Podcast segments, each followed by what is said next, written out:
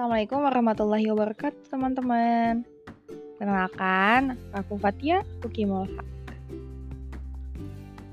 Jadi kali ini aku pengen banget punya podcast. Bukan karena lagi hits sih, cuma pengen ngeluarin aja unek-unek yang emang gak bisa dikeluarin sendiri uh, ke orang gitu. Pengennya ya udah ke orang banyak aja.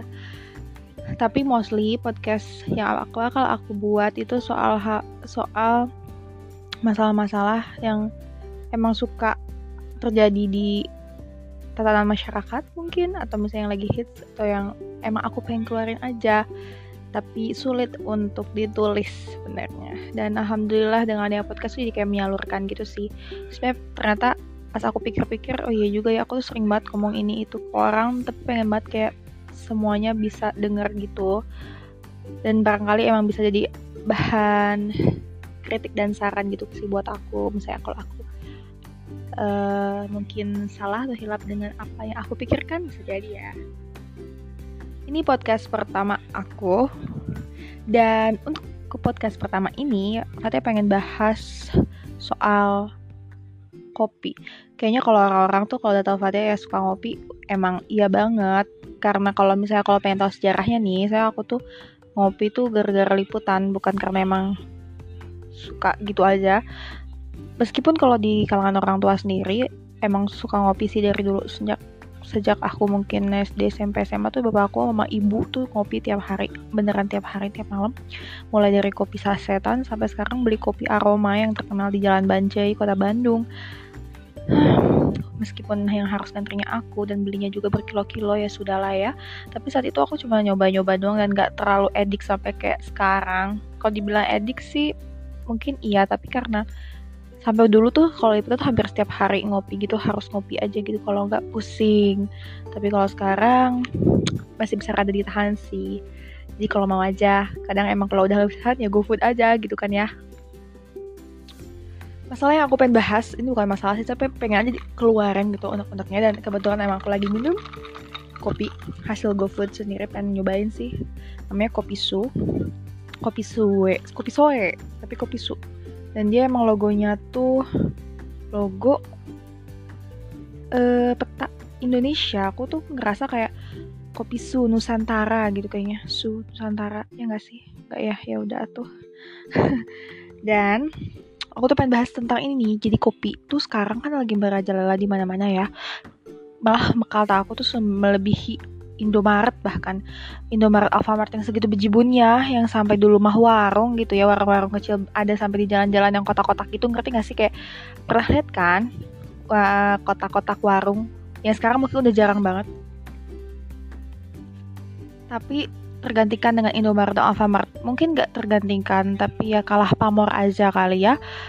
Dan sekarang datanglah kopi-kopi beneran yes ini bukan kopi sachet. Jadi beneran biji kopi yang digiling hari itu juga langsung dibuat pakai espa dibuat espressonya pakai pakai apa tuh namanya? Alat mesin. Bahkan ada juga mungkinnya kalau yang nggak punya alat tuh pakai uh, mau kapot gitu. Nah buat yang nggak tahu googling aja mungkin ya. Aku juga tahu-tahu kayak gini ya.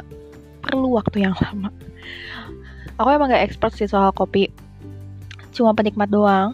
Dan mencoba untuk ngopi di beberapa kedai emang beberapa kedai di Bandung pengen nyoba sih. Intinya kayak enak yang mana ya ini enak yang mana ya kayak gitu sih. Uh, tapi kalau aku lihat fenomena latah ini dibilang latah bisa jadi. Tapi bisa jadi fenomena ini tuh kayak hal yang baik juga loh. Aku tuh dulu pernah wawancara uh, seorang petani kopi bukan benar-benar kayak pengusaha kopi yang beneran nge ekspor biji kopi Indonesia tuh ke Amerika. Ke Amerika ke mana lagi ya? Pokoknya ke luar negeri gitu. Dia pemilik kopi Flores dan menurut aku dia kayak bener-bener orang yang emang kalau dibilang kekayaannya udah gak kawadahan mah iya. Dan dia cuma dia punya kedai kopi kedai kopinya tuh namanya kopi Flores bener-bener kayak sederhana di, di belakang pasar bunga Tegalega dan dia cerita bahwa dia ya dari ujung Aceh sampai Papua tuh udah kayak dia jelajahi hanya untuk mencari ya kopi itu sendiri biji kopi. Dan biji kopinya tuh emang bukan buat yang di bukan buat di Indonesia ya buat dikirim dan berkontainer gitu. Bukan cuma sekilo dua kilo guys. Dia ngirim green beannya gitu kan. Jadi kalau misalnya nanya penghasilannya ya udahlah ya nggak usah disebut lagi. Dan dari situ aku lebih kayak amazing amazing gitu amazing sama hal ini bahwa ternyata kopi Indonesia itu emang diakui sih di dunia. Tapi peminum kopinya sendiri tuh masih kurang gitu. Tapi dengan ada yang kayak adanya kafe kayak gini tuh jadi bikin orang-orang tuh bisa mencoba kopi yang beneran gitu. Emang ada kopi yang bohongan hmm, bener ada sih bukan bohongan juga tapi kopinya cuma satu persen tapi sisanya gula. Atau kopi-kopi yang emang ampas doang. That's why kopi mahal. Menurut aku lumayan sih harganya kalau dibanding kopi saset yang cuma 2 ribuan.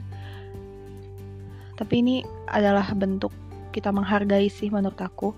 Bentuk kita menghargai para petani bentuk kita um, memajukan ekonomi orang-orang sekarang jadi banyak profesi baru kayak barista terus usaha kopi.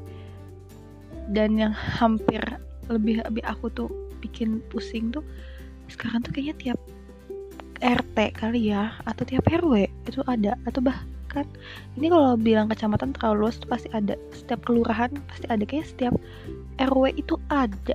Bahkan satu kelurahan itu kayak udah banyak gitu kedai-kedai kopi mulai dari yang benar-benar kayak indie banget sampai kayak hits banget itu ada.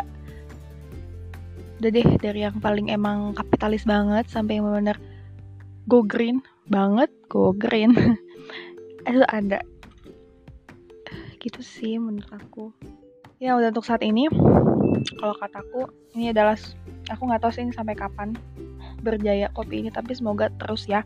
Dan aku sih berharapnya gitu ya eh kedai-kedai kopi ini memang bisa menjangkau langsung ke petaninya karena untuk memutus rantai tengkulak itu sendiri. Karena aku juga pernah mendapatkan cerita dari salah satu teman yang berkecimpung di lembaga zakat dan kebetulan emang aku juga deket banget sama orang yang berkecimpung di lembaga zakat itu.